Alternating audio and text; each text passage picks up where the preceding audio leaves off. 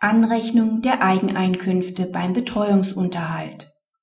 Wird neben der Betreuung von Kindern, die älter als drei Jahre sind, eine Berufstätigkeit ausgeübt, zeigt dies, dass die Tätigkeit mit den Belangen des Kindes vereinbar ist. Ein Betreuungsbonus oder eine Teilanrechnung des Einkommens kommen dann nicht in Frage. Die geschiedene teilschichtig arbeitende Ehefrau begehrt nachehelichen Betreuungsunterhalt. Sie betreut zwei, acht und elf Jahre alte Kinder aus der Ehe. Ihr Prozesskostenhilfeantrag wird vom Amtsgericht zurückgewiesen. Das Oberlandesgericht gewährt ihr auf die sofortige Beschwerde hin teilweise Prozesskostenhilfe.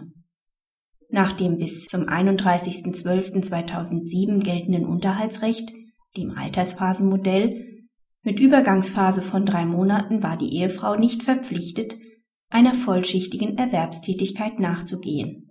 Nach der Übergangsphase ist ein Betreuungsunterhaltsanspruch wegen des fortgeschrittenen Alters der Kinder nur möglich, wenn es wegen der Belange der Kinder oder wegen der Gestaltung der Kinderbetreuung und Berufstätigkeit während der Ehe der Billigkeit entspricht.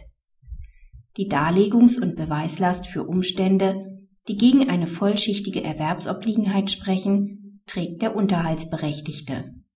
Eine überobligatorische und damit nur zum Teil anrechenbare Tätigkeit liegt nach dem neuen Unterhaltsrecht, sofern das zu betreuende Kind das dritte Lebensjahr vollendet hat, im Regelfall nicht vor, wenn eine tatsächliche Ausübung einer Tätigkeit neben der Kinderbetreuung vorliegt.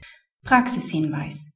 Der BGH hat die Anwendung des Altersphasenmodells zur Beurteilung der Frage, wann eine Berufstätigkeit erwartet werden kann, ausdrücklich abgelehnt.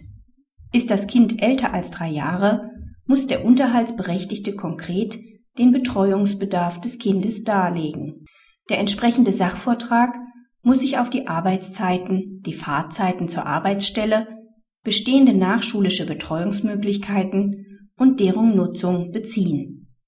Außerschulische Verpflichtungen des Kindes für Sport, Musik und Nachhilfeunterricht oder andere regelmäßige Termine sollten mitgeteilt werden